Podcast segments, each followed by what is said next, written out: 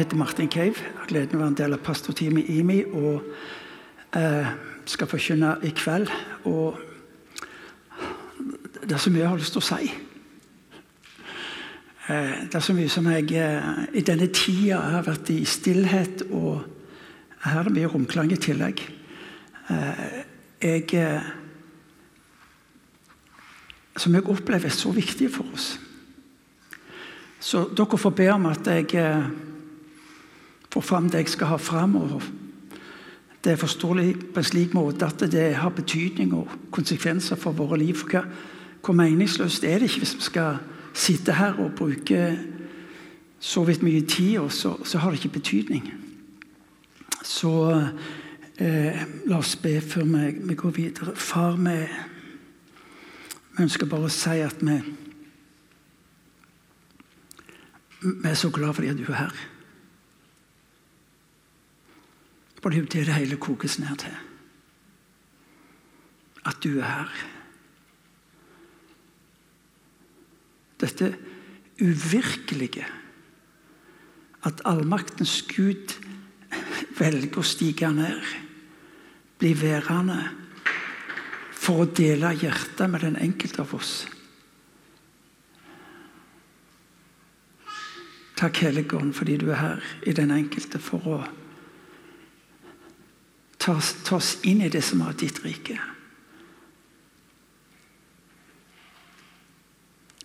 Takk, Hellige Ånd, fordi du er her. Takk, Far, fordi du lengter etter å fullføre det som ligger på ditt hjerte. Far, ikke, ikke ta utgangspunkt i våre forventninger, for det er så ymse.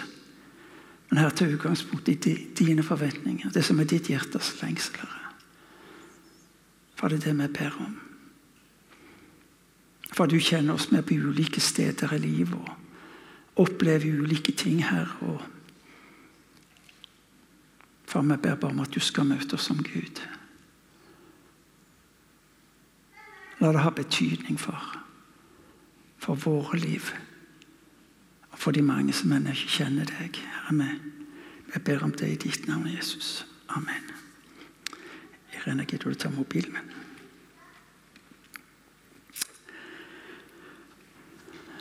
Uh, Ole Martin og Solveig og dere, takk for en nydelig lovsang.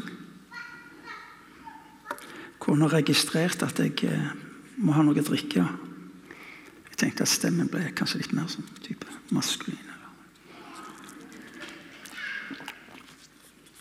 Jeg må være ærlig, sa hun. Men det var lovsang. Det var nydelig. Eh, så flott å være en del av måten som dere gir oss sannheter. For det lovsangen gjør. Den gir oss sannheter.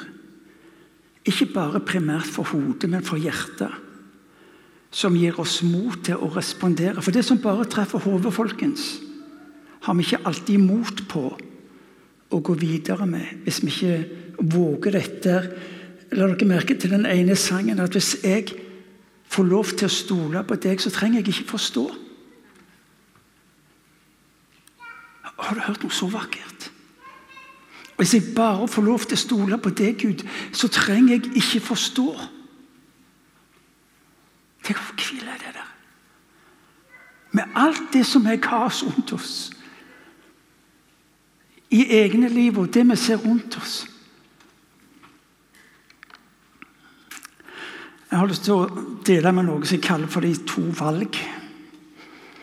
Eh, og det ene er jo helt klart avvis.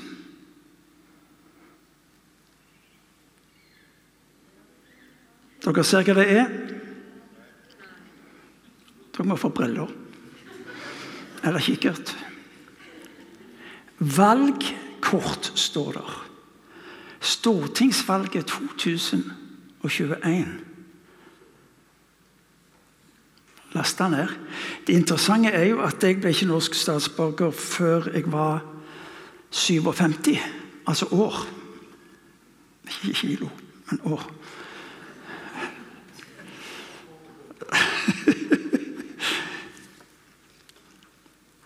Så det å hele veien ha denne følelsen av at du var satt på sidelinja når kona di skulle til valglokalet og stemme, mens jeg fulgte etter bare for å sjekke at det foregikk riktig.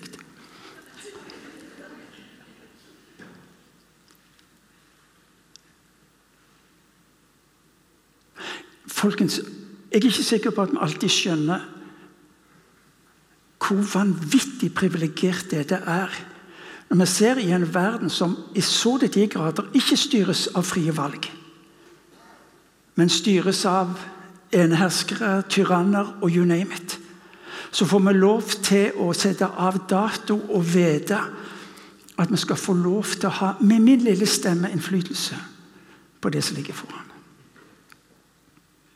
Ja, du sier ja, men din lille stemme, betyr det så mye? Ja, det betyr mye.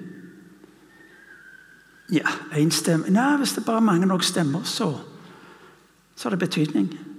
Et snøfnugg betyr ingenting. Blir det mange nok, så lammer det en hel by.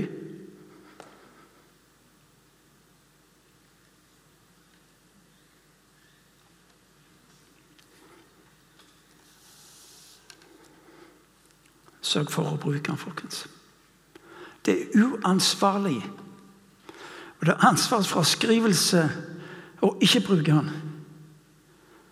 For det du brenner for i ditt liv Ja, Du sier ja, men jeg vet ikke hva systemet for. De, de lover jo all verdens ting, og de, der, jeg, jeg, klarer ikke oversikten. Ja, Er det noe i det som du kjenner betyr noe for deg av system? Så stem. Ulike partiprogrammer tilbys lettelser og utfordres på endringer. og Ansvarlig politikk og uansvarlig politikk en kan gå seg vill av mindre. Som kristne kan gjøre med.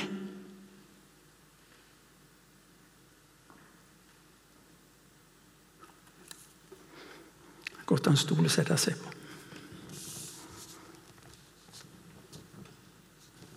Snakk om verdivalg.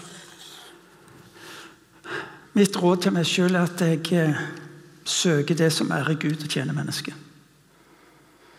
Ja, Det blir min nøkkel. Det som ærer Gud og det som tjener mennesket, det, det er min nøkkel. Ok. Og så kan vi legge forskjellig i det. Ja, men det er òg ok. Takk Gud for at vi er forskjellige. Men, så sa det slik, men hør, Martin, det er jo klin umulig å ha oversikten med alt det som er av partiprogrammer. Jeg vet ikke hva jeg stemmer. Så, ja, men så full menneske du har tillit til, da. Jeg tillater det òg. Det er av og til slik. Du velger å feste lit og du har tillit til noe fordi de folka som sier det, stoler du på, har du tillit til. Jeg tillater det òg. Men han høres ut til, hun høres ut til å være fornuftig. Ja, ok. Ja, jeg gjør som det, jeg. Mange har ønska at Kirka skal være tydelig på en hel masse saker. Gud, hvor jeg takker Kirka ikke er et politisk sentrum. Hvor jeg takker for at eh, Kirka ikke skal være et politisk instrument for et bestemt parti. Kirka har en svært tragisk historie i så måte. Hvor han ikke bare ble politisk instrument, men han ble partner i undertrykking. Holde folk nede. Og vi, kan si, og vi kan mene hva vi vil, folkens. Men det er faktum at når arbeiderbevegelsen vokste fram i Norge, og mange kristne var en del av det, så satt Kirka på sitt berømte gjerde og representerte motkreftene.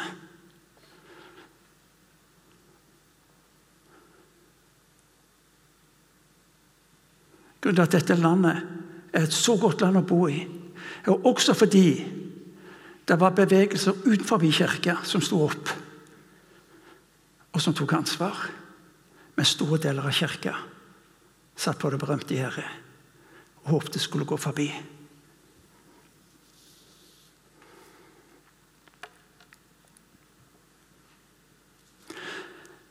få tak i dette, for jeg tror det er så viktig når vi nå skal gå til valg. Der er en, spesielt blant oss kristne, Mange av oss kristne er det sånn type politikerforakt. Dersom politikeren ikke uttaler seg som vi leser om i Bibelen, så hører jeg så ofte om mistenkeliggjøringen. Konspirasjonene. betenkelige motiver. Og så er jo saken den at de fleste politikere i dette landet, uansett hvilken farge de måtte ha på denne berømte hatten, har jo et ønske om å se landet vårt være et godt land å bo i. De sitter der ikke på rommet sitt og driver på å finne ut på en eller annen måte hvor de kan utnytte, holde ned osv. Dette er mennesker som ofrer tid og krefter og evner for å skape et samfunn som er et godt samfunn å bo i. Uansett hvilken farge de har. Uansett hvilken farge de har. Og Det er så viktig for oss å få tak i dette. Fordi at Hvis ikke så behandler vi dem respektløst. Vi har ikke tillit til dem. Og så begynner vi å bruke ord og begreper. I min kirke er det flere politiske engasjerte fra ulike partier. Jeg har en dyp respekt for de eh, politikerne eller de som står på ulike lister. Jo, de står og eh, hører til forskjellige partier. Men jeg kjenner de. Jeg har dypt ønske å si at jeg respekterer det de står for. Og anerkjenner de. De er ikke fiender. Men de har en brann for at ulike viktige samfunnsanliggender på flere områder skal få lov til å lyde.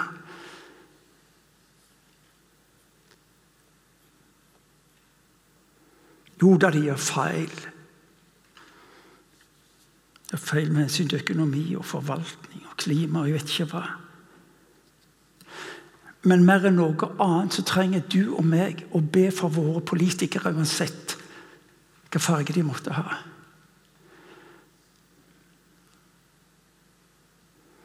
uansett.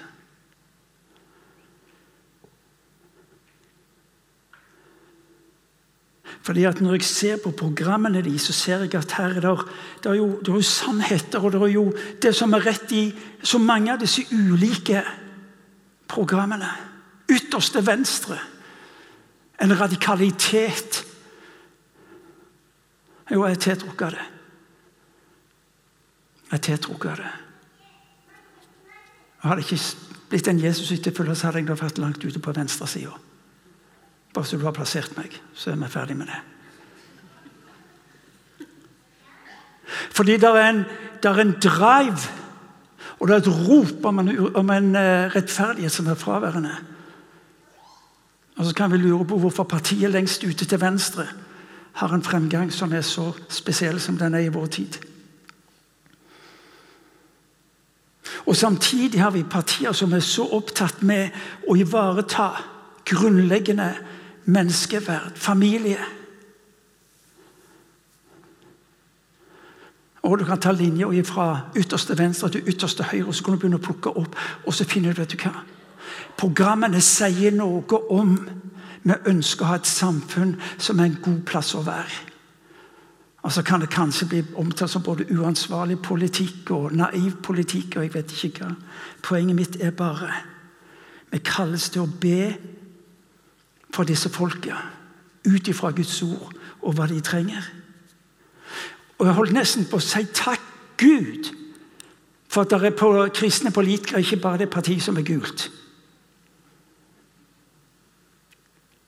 For hvilken innflytelse vil de kunne få lov til å representere? Hvis de visste at de hadde forbønnen vår bak seg, hvis de visste at vi ba om at de skulle få den visdommen og innsikten som de trengte for å bety en forskjell, i det partiet som hadde forankra sin tjeneste innenfor det politiske liv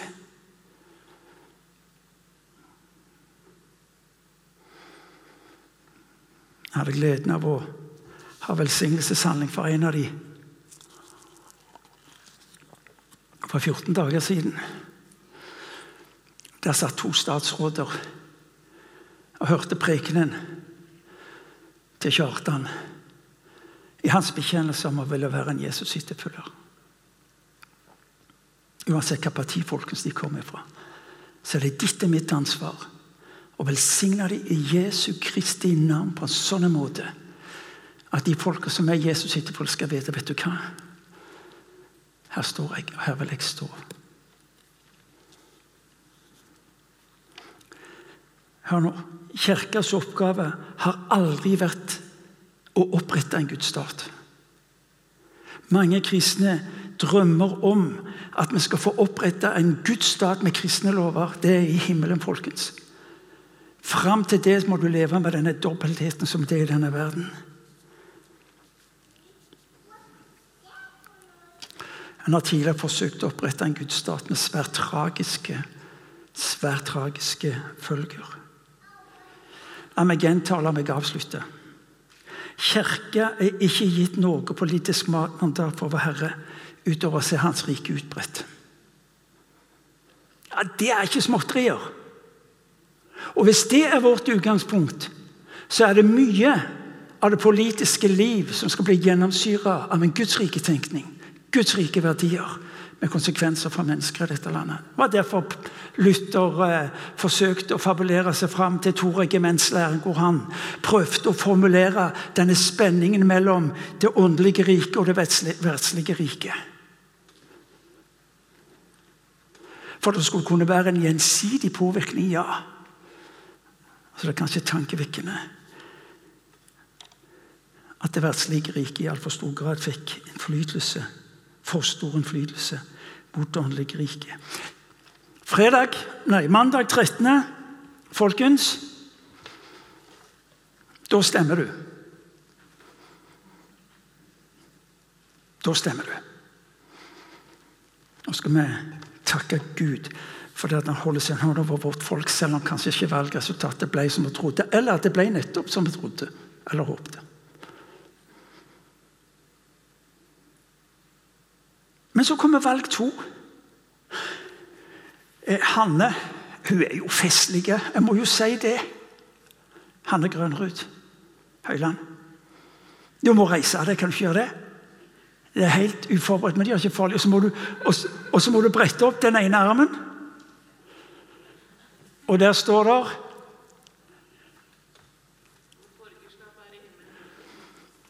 Vårt borgerskap er i himmelen himmelen. Det er Paulus som sier det til menigheten i Filippi 3.17. Noe kan være omkring. Vår borgerrett, vår stemmerett, den er i himmelen. Ja, mer enn stemmerett. Det er et sted hvor du har direkte innflytelse, direkte påvirkning. Som kristne tilhører du og meg også et annet rike, sier Bibelen. Ja, Hvorfor i all verden kommer du trekkende med det nå, når vi nå er opptatt med sagt, det, det verslige riket? Jo, for Hvis ikke du og vi klarer å sammenholde disse to tingene, så vil vi halte i vår forståelse av vårt samfunnsansvar i denne verden. Derfor er det så viktig for oss å sammenholde de to tingene. Himmelen, Guds rike, borgere av Guds rike et, et rike vi er født inn i ved Guds nåde, ved Jesu død og oppstandelse. Et rike som er tilgjengelig for alle mennesker som tar imot ham. Og alle de som, han, alle de som tok imot hans navn, ga han rett til å bli Guds barn, står det i Johannes evangeliet kapittel 1, vers 12. Og så er det som han sier, at eh, innsteget i dette riket er allerede klart. Men det er en oppfordring om å søke Hans rike kontinuerlig. Matteus evangeliet kapittel 7 eh, står det 'søk først dette riket'. Og så får du alt det andre i tillegg. Når du og meg får lov til å omfavne Hans nådes ord mot oss, så blir vi ved å omfavne det han gir oss, det salt og det lys vi skal være i denne verden. I Romerbrevet kapittel 12 vers 1 så står det i en engelsk oversettelse Omfavn det Gud gir deg. Det er det han har bestemt for ditt liv. Det er det beste du kan gjøre for ham. Embrace what God is giving you. That's the best thing you can do for him.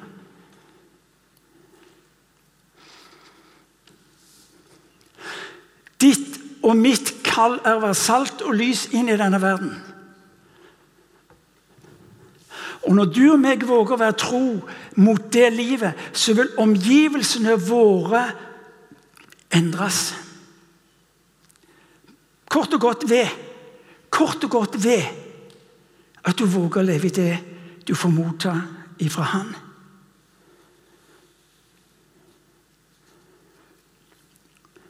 Folkens, Det er et faktum at når lys og saltet forsvinner, så er verden overlatt til seg sjøl og gjør mange feil valg.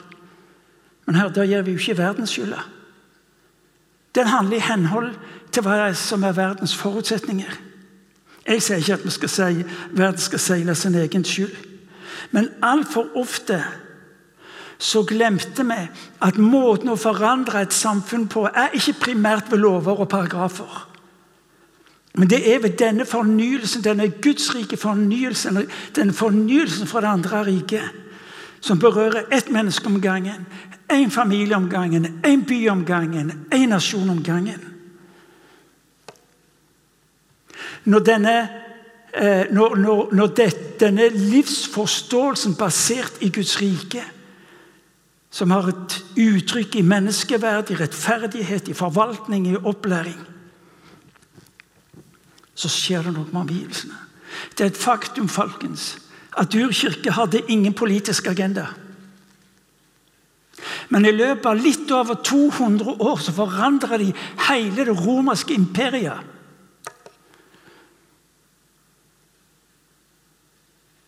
Vet de hva det lys og det salt som Gud hadde kalt dem til å være? Dette må vi få tak i. For Hvis ikke så havner vi over og blir sånn Vi skyver og legger skylda på våre politikere. I ei tid, i ei tid folkens, hvor det lyder i mange kristne miljøer, hvor vi er blitt spesialister på frafallet og forfallet. Det er en frykt som er i mange kristne miljøer på det som skulle vært annerledes. Vi oppdager hvordan kristne merkesteiner flyttes og de fjernes. Vi, ser hvordan det er en dramatisk nedgang av kristen innflytelse.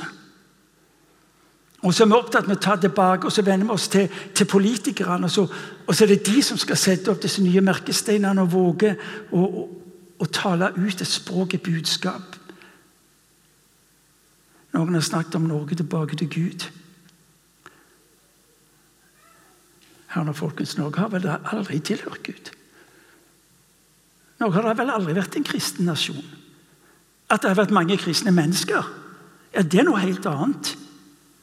Man må ikke blande.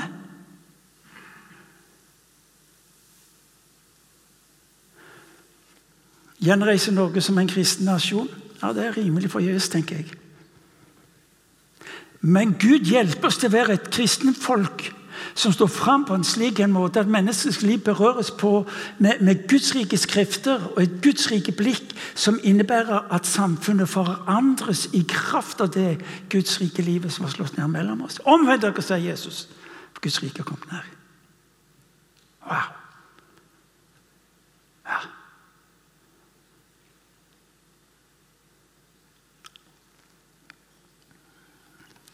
Ikke skyv over på politikerne til kirka er skyldig og skal gjøre. Uansett. Saken er den folkesen at denne verden har jo egentlig ikke forandra seg. Men det er kirka som forandrer seg. Paulus sier i Efeserbrev kapittel 2 at denne verden følger sine lyster og sine tanker. Ja, I stor grad er det det vi ser i dag. Verden har ikke forandra seg.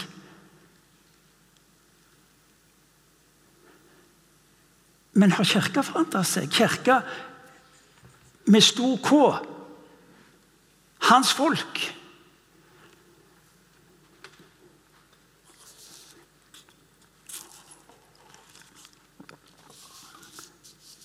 Det må jo være spørsmålet.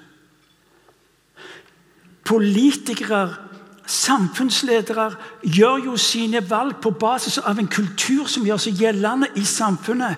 Jo, det er klart at I tidligere tider så fikk vi se hvordan Kirka med sitt liv eh, hadde en grunnleggende innflytelse og skapte nye verdier. I kraft av at troen på Jesus fikk konsekvenser for liv.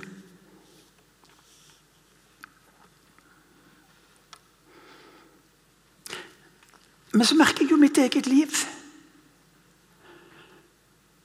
Jeg blir så grådig lett prega av av tida. Jeg blir, jeg blir så grådig lett sånn. Går inn i mønster, og så tilpasser meg, og så Og så, så, så blir mitt liv òg sånn en Ja, ja, slik går nå dagene, da. Og så var det det de gjorde. Og så tilpasset jeg meg, og så ble alt normalt. og Alt ble selvfølgelig. og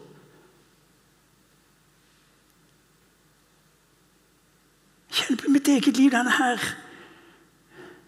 Martin, du blir så lett konform. Klarer meg på et minimum. Så ser du Forfallet det går av seg sjøl, det. Forfallet går av seg sjøl. Det du vil se vokse og bestå, det må du fighte for. En god venn av meg som snakket om selvfølgelighetens forbannelse.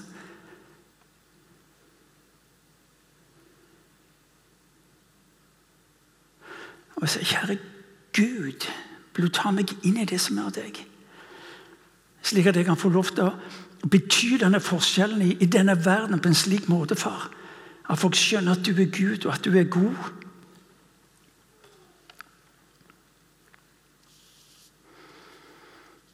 Du leser i boka Nehemia i Gammeltestamentet. Jeg skal ikke, men jeg skal bare henvise til det.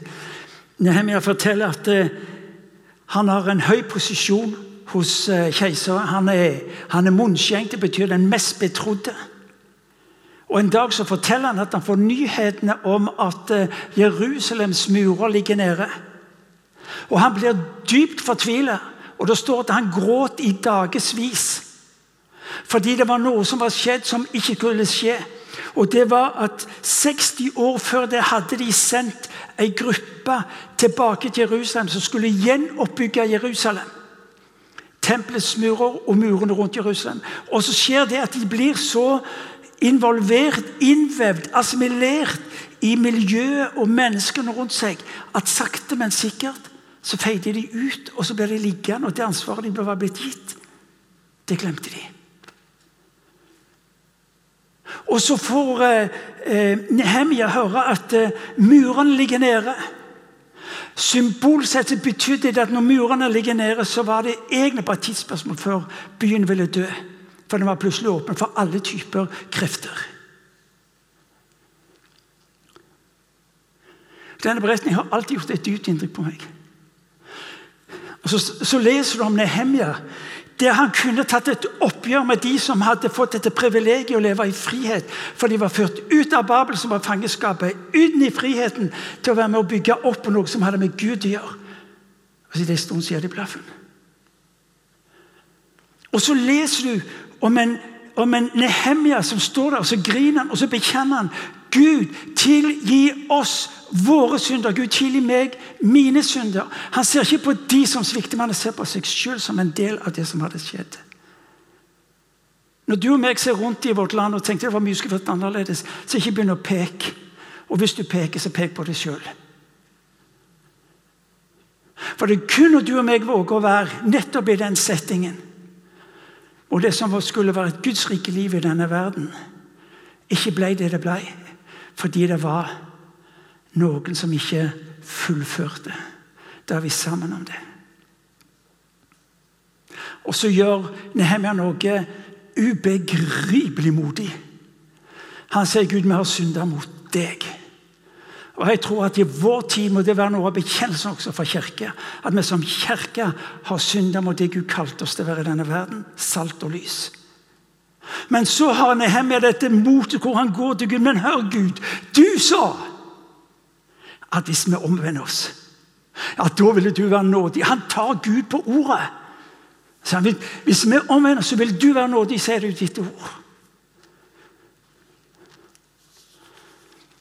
Den lange historien kort. Keiseren oppdager at Nehemia er lei seg, og så spør han som er gale. Så står det om Nehemia at da ba jeg til Gud, og så sa jeg Kan jeg være noe annet enn lei meg når jeg ser hvordan det er med byen? Vårt hjertets sentrum. Du skjønner, Den jødiske tro, slik den kom til uttrykk i det jødiske folk, var knytta til tempelet.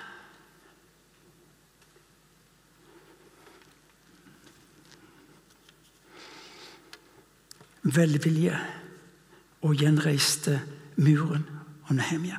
Hør nå, få tak i dette jeg skal si nå. Det står i Jakobs brev kapittel 5 vers 17 om Elia. Da står han at var et vanlig menneske som deg og som meg. Du bærer med deg en gjennombruddskraft som er helt unik. Men altfor ofte så ble sinnet vårt dratt mot det som var det såkalt umulige, istedenfor å bli dratt imot den Gud som har erklært hvem han vil være over ditt og mitt liv. Har vi mista forståelsen av og troen på en Gud og hans forvandlende kraft? Det står i Efeserbrevet, så så sier Paulus Kristus Utvalgte, I Kristus utvalgte han oss før verdens grunnvoll ble lagt til å stå for hans ansikt, hellig og uten feil i kjærlighet og etter sin egen gode vilje avgjorde han på forhånd at vi skulle få rett til å være hans barn ved Jesus Kristus, til lov og pris for hans herlighet og nåde, som han overøste oss med i ham. I ham har vi friheten. Så rik er Guds nåde, som han har latt strømme over oss med all visdom og all forstand, da han kunngjorde for oss sin viljes, vilje, eh, sin viljes mysterium Eh, vi, sier han, som han som har velsignet oss med all åndens velsignelse. Du bærer med deg i kraft av den ånd som han har lagt ned i ditt liv, akkurat det vi nå leser.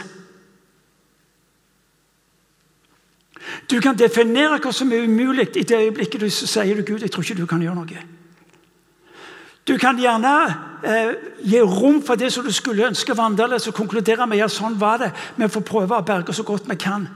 Og det er egentlig ikke noe annet enn å si Gud, dette, dette makter ikke du å gjøre noe med. Vi er kalt til å være denne forskjellen.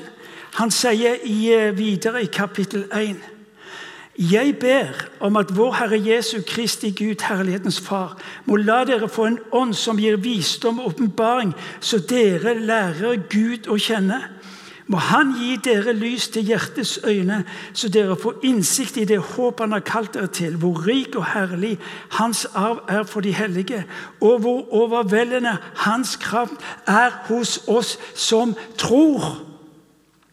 Den samme kraft som oppvekte Jesus fra de døde, er i den enkelte av oss. Det er det han sier. Den visdom som er min, sier Gud, den kunnskap, den åpenbaring som er av meg, den er i dere. Derfor sier Paulus alt er mulig for den som tror. Det er ikke dette at han tar seg i nakken og sier kom an folkens, nå skjerper vi oss. Han bare bekjenner. Og Derfor blir Guds ord så viktig for oss.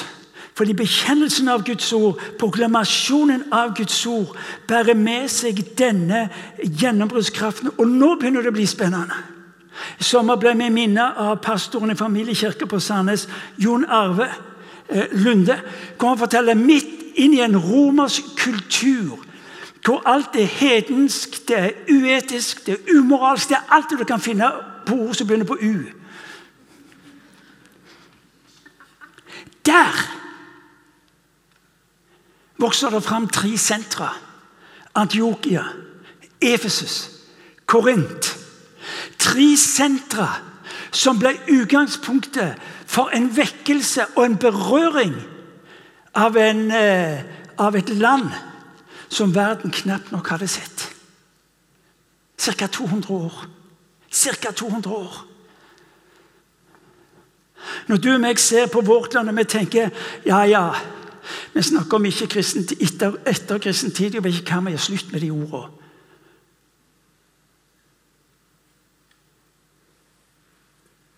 Hør nå.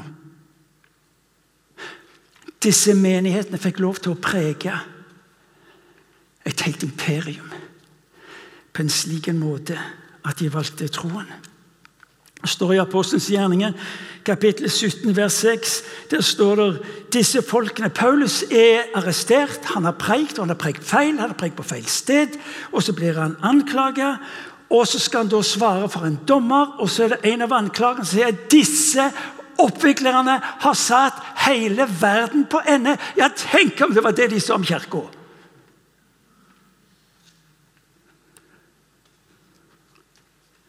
Denne enkle Paulus.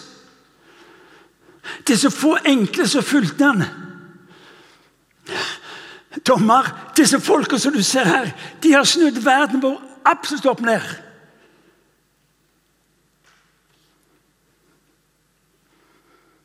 Tenk om det var rykter om oss også. Hans Nilsen Hauge. Jo da, samfunnsreformatoren. Det interessante er folkens, man snakker vesentlig mindre om det som var utgangspunktet for hans unike tjeneste i landet vårt. For det som var drivkraften i Hans Nilsen Hauge, det var ikke å forandre landet. Drivkraften i Hans Nilsen Hauge, det var Jesus, din søte foreningssmak. Det var det han, det var det han sang der ute på jordet i Tune i Østfold. Han var opptatt med å, være i Guds nærvær med livet sitt. Det var det vi ville ha sagt i dag. Jesus, din søte foreningsmakt. det er det samme som med å være i Guds nærvær i dag. Det er bare modernisert det litt.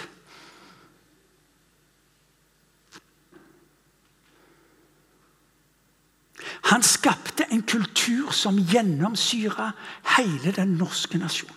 I løpet av noen få år. Og hva var nøkkelen? Det var nettopp erfaringen av Den hellige ånd som hadde tatt bolig i livet hans. Han var ikke fullt 30 år ennå. Men han hadde en åndserfaring ved Den hellige ånd som var av en sånn karakter at det forandra Norge. Norge på et tidspunkt med fattigdom, i krig, i fang You name it.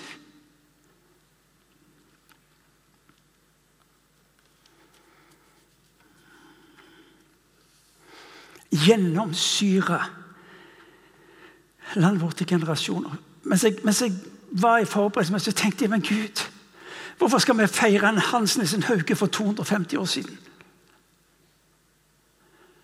Hvorfor hører vi ikke om en annen Hans Nissen Hauge for 240 år siden? For 230 år siden? For 200 år siden? Hvorfor skal vi hele veien drive på og se tilbake på én som hadde betydning? Og så er det et gap imellom der. Gud, hvorfor skal vi drive på og feire det som ligger bak? Hvis det ikke samtidig var noe som hadde konsekvenser.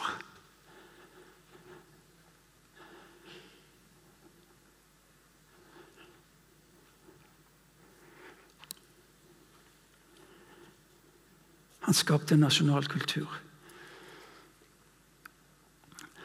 Arne, du får leve med at jeg nevner deg igjen. Beklager. Men er du en av mine helter, så må du leve med at jeg omtaler deg mange ganger. Søndagsskolelæreren. Arne visste. Han sitter der. Han fikk Peter Dass-prisen, så spurte jeg mor du har han alltid vært sånn. Nei. Beskjeden Det var ikke mange ordene. Han var aldri den som stakk seg fram.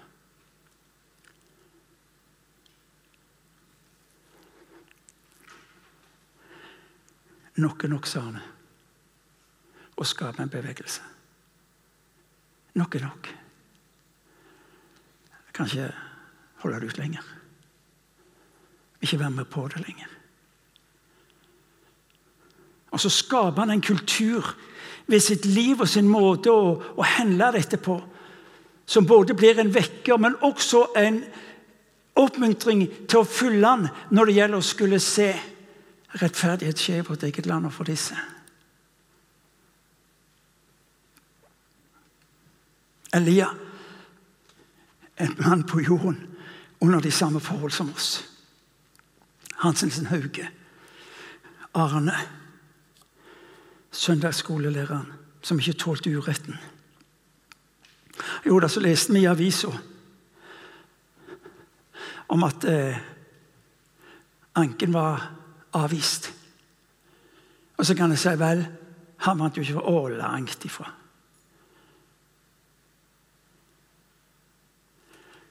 Hør nå.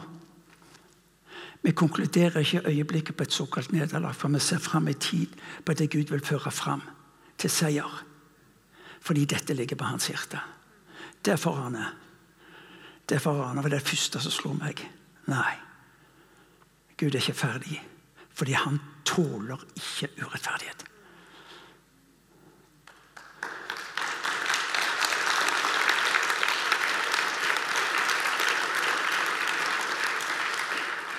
KF-skolen jeg synes Det var festlig når jeg leste i Stavanger Aftenblad i dag. Eh, presentasjonen av KF-skolen med, med, med, Svein Bjarte. Vi starta med li, ni elever. Ni elever. Det var en skole på Bømlo som ble kritisert av en eller annen politiker for de hadde ikke mer enn 17 elever. Og jeg tenkte kjære Gud, du skulle ha levd mens vi holdt på, du. Fordi barna fortjener det beste. Og Derfor var det foreldre som sa vet du hva, vi skal la våre barn gå der. Jeg skal fortelle deg at når jeg satt der og tenkte kjære Gud, hvordan går dette her? Møter noen Nei, han skal gå her. Gutten vår skal gå her. Og så gjør de valg som har konsekvenser, og som gjør at vi neste lørdag, altså nå på lørdag skal få lov til å åpne skolen. Marit lar dere kjenne henne, denne her litt uærbødig som har kalt henne. Det er et enkle frø fra landet. Det, det er feil sagt. Det er feil sagt. Men hun kommer fra Nordvestlandet et eller annet sted. Hva var det som skjedde seg til Marit? Nei, du vet det. Jeg sa det ut. Jeg har to tomme hender og et villig hjerte. Ta med hvor du vil. Ta med hvor du vil. Og så landa hun i Asia, i Thailand. Og så forteller hun hvordan hun reiste inn så ofte som hun kunne på motorsykkelen eller mopeden. Hun var satt tatt, og så med, med yngste jenta på ryggen. Og så, og så, kjørte de rundt i de byene de hadde plukka ut. Og så hadde de ikke prayer walk, men uh, prayer motorcycle eller noe av den duren. Og der reiste hun fram og tilbake mellom Thailand og Kambodsja. Thail, nei, og Laos, mellom Thailand og Laos, mellom Thailand og Laos. Til en dag ble spurt hva, hva i all verden er det du vil for noe. Og så Jeg ønsker å bety en forskjell. Hos de minste i Laos kan jeg få lov til det. Og så er historien også her kort og i et skolegang til mer enn 1000 barn. Har trent flere hundre lærere, og i dag så rydder de plass på henne ved bordet til statsrådene i LAS. Og de sier det er ingen eh, fremmed eh, organisasjon altså, som kommer utenfra, som har gitt en slik en plass. Og det er fordi vi har tillit til hvem du er.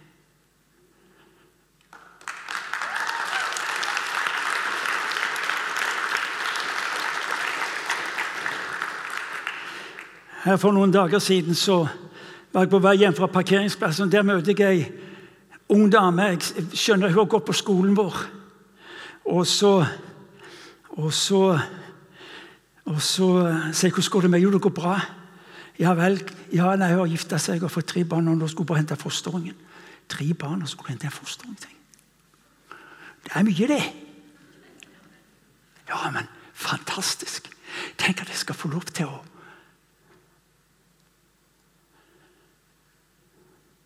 Har betydning enkeltmennesket sitt liv. Hvorfor nevner jeg det? Jo, fordi at du og meg, vanlige mennesker, er som Elias, fullt av Guds ånd. Det betyr denne forskjellen. Derfor så sier Paulus i Efeserbrevet derfor bøyer jeg mine valg, mine knær, for Faderen. Hør nå. Han sier derfor bøyer jeg mine knær, og jeg skal begynne å prøve å lande. Derfor bøyer jeg mine knær for Far og så sier han så dere som er rik på herlighet, skal styrkes i deres indre menneske. Ha kraft og styrke ved min ånd. At må Kristus ved troen bo i deres hjerte, slik at dere betyr denne forskjellen. Kjenne Kristi kjærlighet, som overgår all forstand. Må dere bli fylt av hele Guds fylde. Det er på tide at du og meg snur denne bønnen toveis. Nemlig å si, Herre, her er jeg. Vil du tale inn i mitt liv av din visdom og av din kunnskap. Hør nå, Kirka må være selve det, den modellen for verdivalget som vi ønsker skal prege samfunnet. En gang til. Det er Kirka som skal være selve modellen. Jeg bøyer mine knær for Gud Fader. For dere så skriver jeg til, til fordi at dere skal berøre mennesker. Kan du se Paulus? den berømte misjonæren og apostelen. Det står med 'Jeg bøyer mine knær for dere', sier han. Jeg bøyer mine knær for at dere skal vite at de ordene dere har hørt fra meg, ønsker jeg å se realisert i den, deres liv enkeltvis. Når vi snakker om visdom fra himmelen, kunnskap fra himmelen, åpenbaring fra himmelen Den kraften som reiste Kristus det eh, ble reist opp Den kraft som Kristus ble reist opp, er i dere. Jeg bøyer mine knær for at dere skal få lov til å leve i dette. Jeg ber for dere. Og dere som er her inne i, i, i meg i kveld. Kanskje tida er inne for oss at vi skulle bøye knær. Bøye knær for den arbeidsplassen som er på. Si Gud, du ser hva vi trenger til av visdom og innsikt. For den menighet, eller for det lag, eller for de lederne jeg satt til å betjene. Jeg bøyer kne for dem. Og jeg nevner dem med navn for, fordi du ser hva de trenger til. Jeg, Gud, jeg kan, ikke, jeg kan ikke leve med at din nåde går de forbi. Jeg bøyer kne. Det er et hjertets anliggende. Paulus kunne ha kommandert. Nei. Han visste at kommandering ikke hjalp. Men hans bønn om å se mennesker bli det Gud har kalt dem til å være, det var drivkraften i hans, i hans liv. Jeg tror det var arbeidsplasser, jeg tror det er miljøer, jeg tror det er politiske partier. Jeg tror det er menigheter. Når de får erfare nettopp denne bønnen, hvor de henter ned Guds ord proklamere Guds sannheter på eget liv, om hvem Gud er i den enkelte av oss, vil også denne verden begynne å stille nye spørsmål. For den er ikke interessert i våre svar, men den vil begynne å stille nye spørsmål.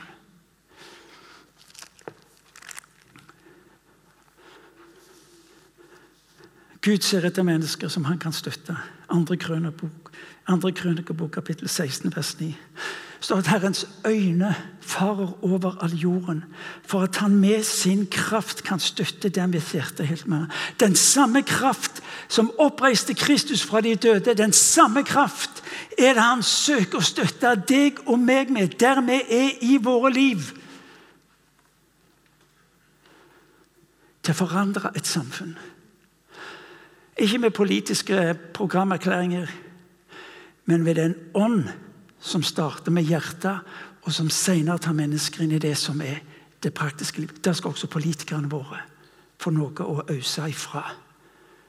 Som har betydning langt utover det de selv har kommet til med sine egne tanker. Derfor bøyer jeg mine kne for Faderen. Hans Nilsen Hauge, gravsteinen så står det Jeg har svoret Den hellige ånd troskap, og Herren har hjulpet meg til å være dette fortsett tro. 13. september er det valg. Du utfordres til hver dag å gjøre et valg. Som en Halsnesen Hauge. Jeg har lyst på å sverge troskap mot Den hellige ånd. Og så regner med at han gir deg det du trenger for å holde dette løftet. Folk, Der forandres denne verden. Der forandres denne verden. La oss be.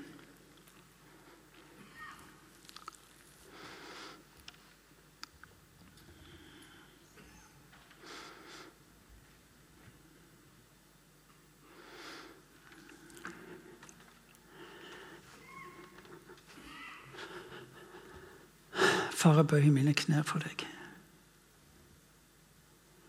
Far, jeg bøyer mine knær for deg. Du kjenner vårt svik. Du kjenner vår historie så mange. Far, jeg ber om at du ved din ånd skal tenne opp igjen, restarte, ta oss inn i det som er av deg. Far, jeg ber om at du skal la oss få lov til å være et folk herre, som er gjennomsyra av ditt ord. Fordi du, Gud, lovte at du skulle føre igjennom. Du er den som sier 'bli mitt ord', Herre, så blir du i oss. Herre. Vi ber om å få lov til å være ditt ord på en slik en måte at våre liv og dette samfunnet forandres. Far, vi vil ikke leve med urettferdigheten lenger, Herre. Vi vil ikke leve med at menneskeverdet på den måten forringes, reduseres. Herre, vi ber om å få lov til å se dette landet leve på en god måte. Både innad, men også utad, Herre. Far, jeg ber at du skal gi våre ledere visdom, innsikt og respekt, Herre. Slik at de leder folket rett. Vi ber om det, far. Herre Hellige Ånd, jeg ber du må komme med din rike nåd nå. Far, hvor vi ber, kom med din ånd. Så vi ser som du ser, og handler, Herre, som du handler. For La oss ikke være et folk som gir fordeles skyld, Herre. Men la oss få lov, Far, å være et folk som står opp, Herre, sammen med deg og vil bety denne forskjellen. Far, vi ber for valget, vi ber for våre politikere. Og vi velsigner dem i ditt navn. Ber for dine politikere som bekjenner tro mot deg, for å gi dem visdom og innsikt. Velsign de her på en måte som gjør at livet og troen Herre Jesus får lov til å være sammenvevd på en troverdig måte, med betydning for landet vi ber. Kom, Hellige. Vi tilber deg å opphøye ditt navn.